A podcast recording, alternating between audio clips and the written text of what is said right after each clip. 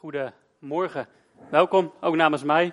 En fijn om velen van jullie weer terug te zien vanuit vakantie. En zoals gezegd gaan we vandaag stilstaan bij Lucas hoofdstuk 19. Een ontmoeting met Zacchaeus. En vorige week sprak Arno hier en die had het ook over een ontmoeting vanuit Lucas hoofdstuk 7. En waar die ontmoeting tussen fariseer Simon was en tussen Jezus bij hem thuis, werd er heel erg gekeken hoe we Jezus kunnen imiteren. Op welke manier Jezus reageerde en hoe we daarvan kunnen leren. Toen hij ook een ontmoeting had in hetzelfde huis met een zondares die aan de rand van de samenleving was. En vandaag kijken we naar een andere ontmoeting tussen Jezus en Zacchaeus, iemand die ook aan de rand van de maatschappij staat. En vorige keer Arno het veel meer had over uh, hoe Jezus reageerde, kijken we vandaag veel meer hoe omstanders reageren. Dus voor een deel borduren we voort op de preek van vorige week. En als je hem niet geluisterd hebt of je was vorige week niet aanwezig, zeker een aanrader om die terug te luisteren. En zoals gezegd gaan we vandaag kijken naar Zacchaeus hoofdstuk 19. Voor mij is dat een verhaal, en misschien voor velen van jullie, die in de zondagschool ook wel verteld wordt. En dat is typisch zo'n verhaal wat één keer in de zoveel tijd terugkomt. En bij mij was hij een beetje in de vergetenheid geraakt, totdat een paar weken geleden weer in de dienst over hem zongen, over Zacchaeus. En er kwam weer in gedachten, en dat in combinatie met een gesprek wat ik had met een vriend. Dat is rond diezelfde tijd geweest, een paar weken geleden. En dat gesprek in combinatie met het verhaal van Zacchaeus liet me niet los. Elke ochtend als ik in de auto stapte richting mijn werk, dan moest ik eraan denken. En dat gesprek met die vriend kom ik later deze preek op terug. Eerst wil ik graag Lucas hoofdstuk 19 vers 1 tot en met 10 met jullie lezen. Jezus ging Jericho in en trok door de stad. Er was daar een man die Zacchaeus heette. Deze Zacchaeus was hoofdtollenaar en hij was erg rijk. Hij wilde Jezus zien om te weten te komen wat voor iemand het was. Maar dat lukte hem niet vanwege de menigte, want hij was klein van stuk. Daarom liep hij snel vooruit en klom in een vijgenboom om Jezus te kunnen zien wanneer hij voorbij kwam. Toen Jezus daar langs kwam, keek hij naar boven en zei: Zacchaeus, kom vlug naar beneden, want vandaag moet ik in uw huis verblijven. Zacchaeus kwam meteen naar beneden en ontving Jezus vol vreugde bij zich thuis. Allen die dit zagen, zeiden morgen tegen elkaar: Hij is het huis van een zondig mens binnengegaan, om onderdak te vinden voor de nacht. Maar Zacchaeus was gaan staan en zei tegen de Heer: Luister, Heer, de helft van mijn bezittingen zal ik aan u, zal ik aan de armen geven. En als ik iemand iets heb afgeperst, zal ik het viervoudig vergoeden. Jezus antwoordde: Vandaag is het huis redding ten deel gevallen, want ook deze man is een zoon van Abraham. De mensenzoon is gekomen om te zoeken en te redden wat verloren is. Zo hebben we een ontmoeting tussen Zacchaeus, een hoofdtollenaar, en Jezus. En Zacchaeus, of Jezus, die ging naar Jericho. Jericho is een stad ongeveer 30 kilometer ten oosten van Jeruzalem. En Jezus trok daarheen op richting Jeruzalem, waar hij niet veel later gekruisigd zou worden. En in het vorige hoofdstuk, hoofdstuk 18, zien we ook dat Jezus een ontmoeting heeft met iemand aan de rand van de samenleving. Een blinde man die aan de rand van de stad genezen wordt. En dus in hoofdstuk 19 opnieuw een ontmoeting. Jezus trekt die stad in en Zacchaeus denkt bij zichzelf, daar moet ik zijn. En dan eerst een stukje over Zacchaeus, een hoofdtollenaar. En als tollenaar had je de taak om belastingen te innen voor de Romeinen die op dat moment de bezetter waren. En zo was het dat de Romeinen die vroegen, in dit geval aan Zacchaeus, wat verwacht je qua inkomsten dit jaar of deze maand dat je binnenkrijgt. En dat bedrag, die schatting die Zacchaeus maakte, moest hij vooraf aan de Romeinen betalen. Dus op die manier lag er ook druk op Zacchaeus om het geld te innen, want hij moest het eigenlijk vooraf betalen aan de Romeinen. Maar tegelijkertijd was er ook niet zoveel controle en was het zeer fraudegevoelig. Zacchaeus kon dus in feite vragen wat hij wilde. En dat deed hij dus ook. In vers 2 staat ook dat het een rijk man was en ook dat hij mensen afperste. Hij verrijkte zichzelf over de ruggen van anderen. Jezus liep die stad in en Zacchaeus was nieuwsgierig geraakt. Misschien dat de verhalen van Jezus al langere tijd voorgingen. Zoals we zo vorige week zaten, Lucas 7, dat verhaal. Misschien waren dat soort verhalen al vooruit gegaan. Maar zeker ook de genezing van de blinde man in hoofdstuk 18 zullen erbij gedragen hebben dat Zacharias nieuwsgierig geraakt is. En hij gaat op pad. Hij wil Jezus zien, maar zijn lengte en de vele mensen belemmeren hem van zicht.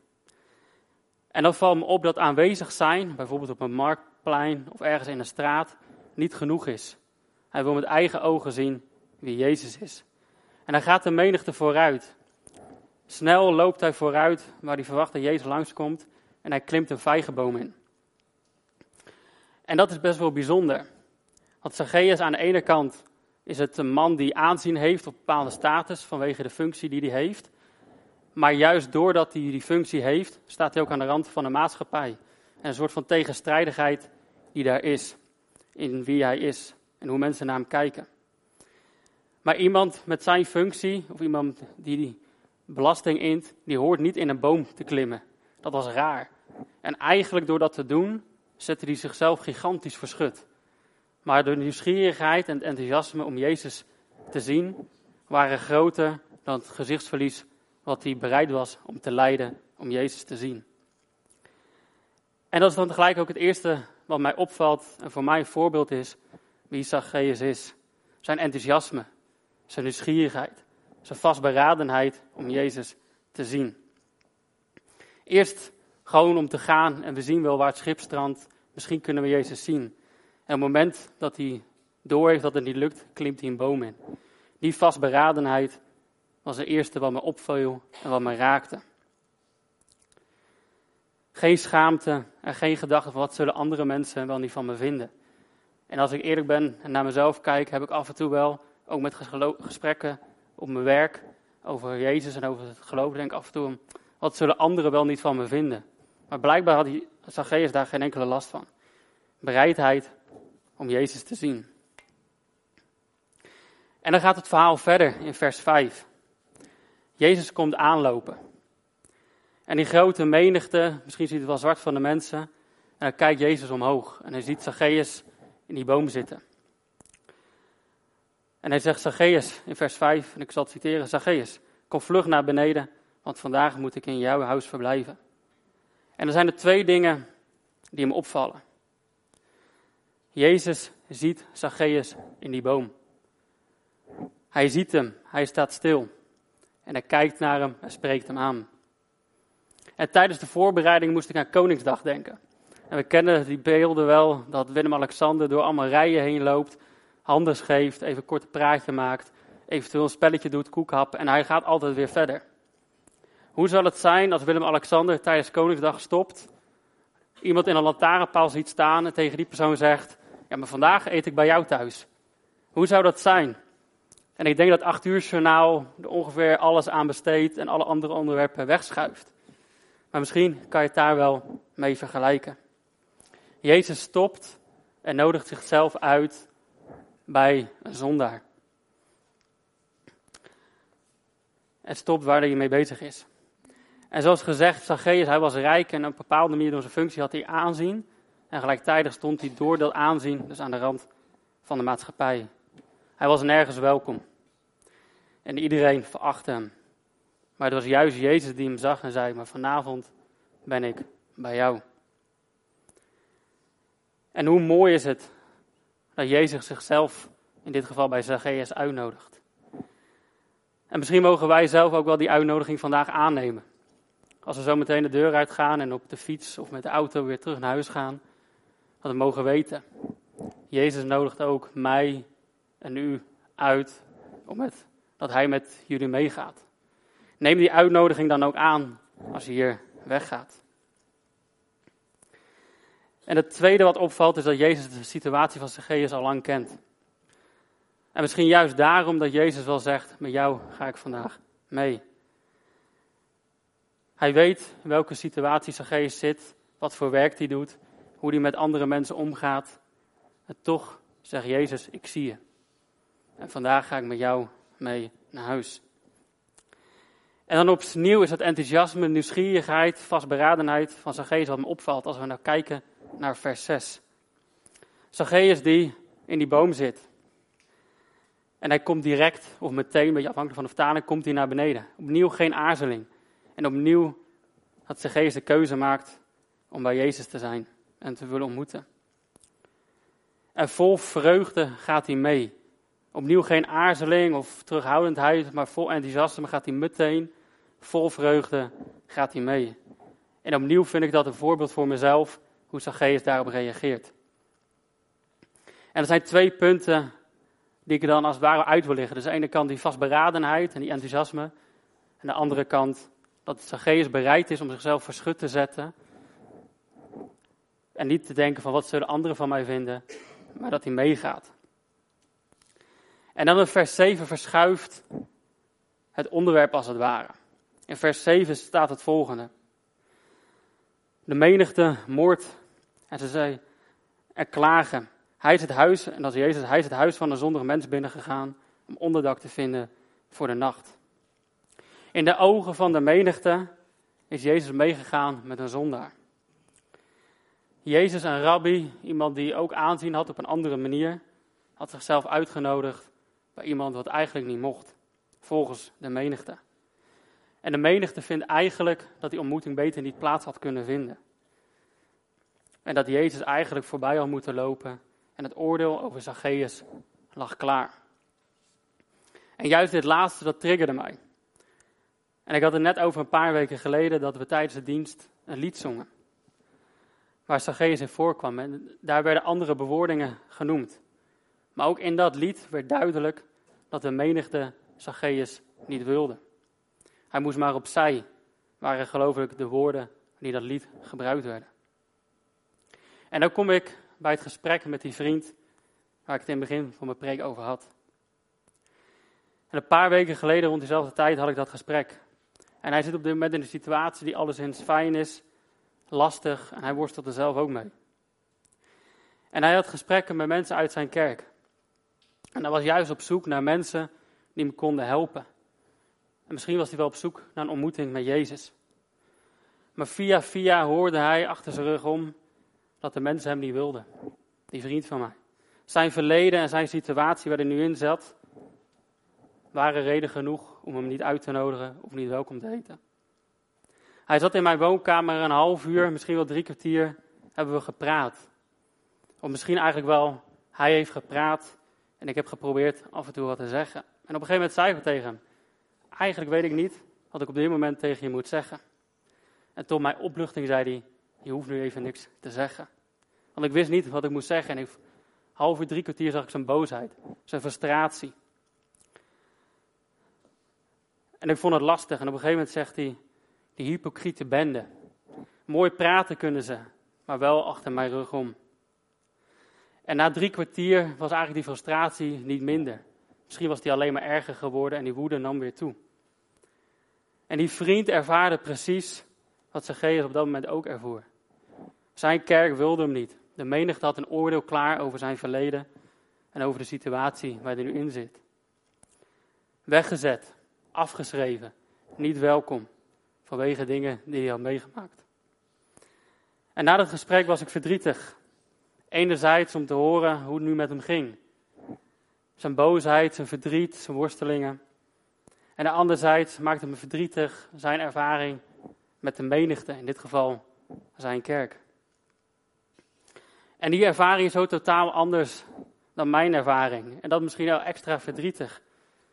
Juist die ervaring die ik had voor elkaar klaarstaan, samen het geloof delen. En een andere preek heb ik ook wel eens gezegd.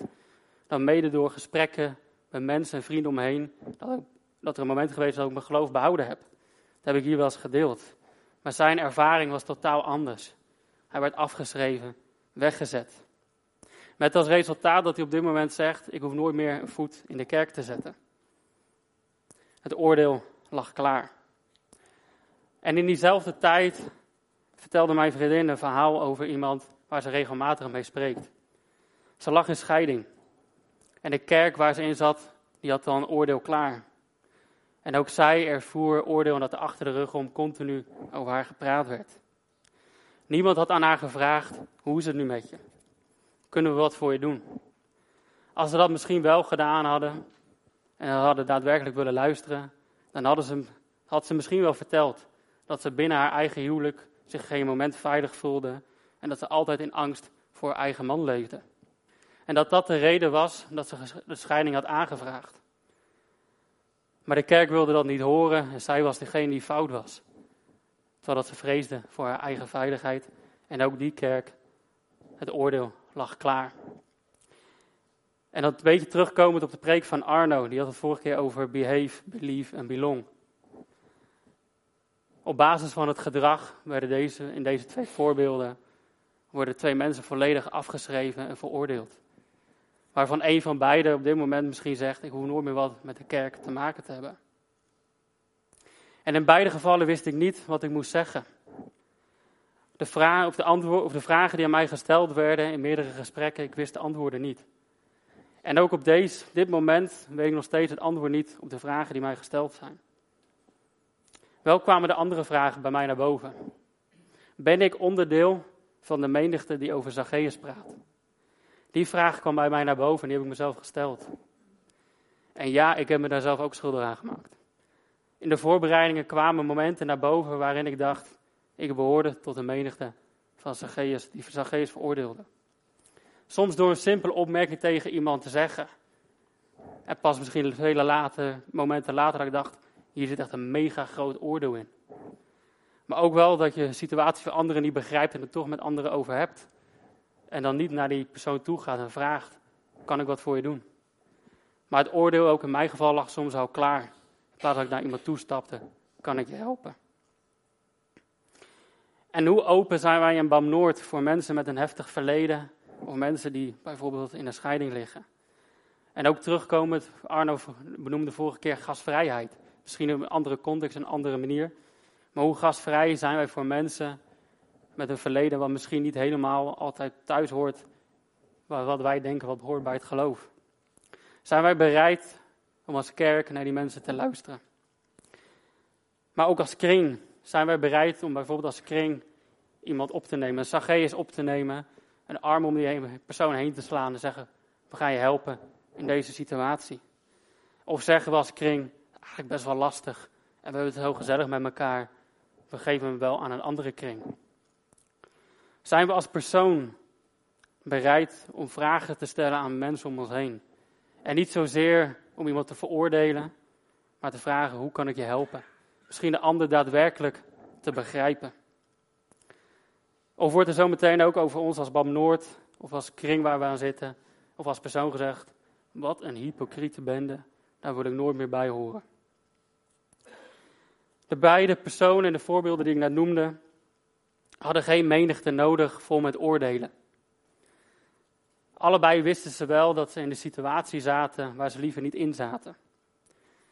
En wat ze nodig hadden was mensen die luisterden. Mensen die hem begrijpen. En juist mensen die hen afhielden van Jezus. Juist mensen die hen naartoe leiden naar Jezus. Die juist een ontmoeting met Jezus bewerkstelligen. In plaats van mensen die een ontmoeting met Jezus in de weg stonden. Door middel van het hebben van een oordeel. En als we verder lezen in vers 8, dan zien we wat een ontmoeting met Jezus doet. Zacchaeus komt totaal veranderd uit die ontmoeting. Hij is aangeraakt door Jezus. En hij ging al vol vreugde mee, maar daarna zit hij met nog meer vreugde.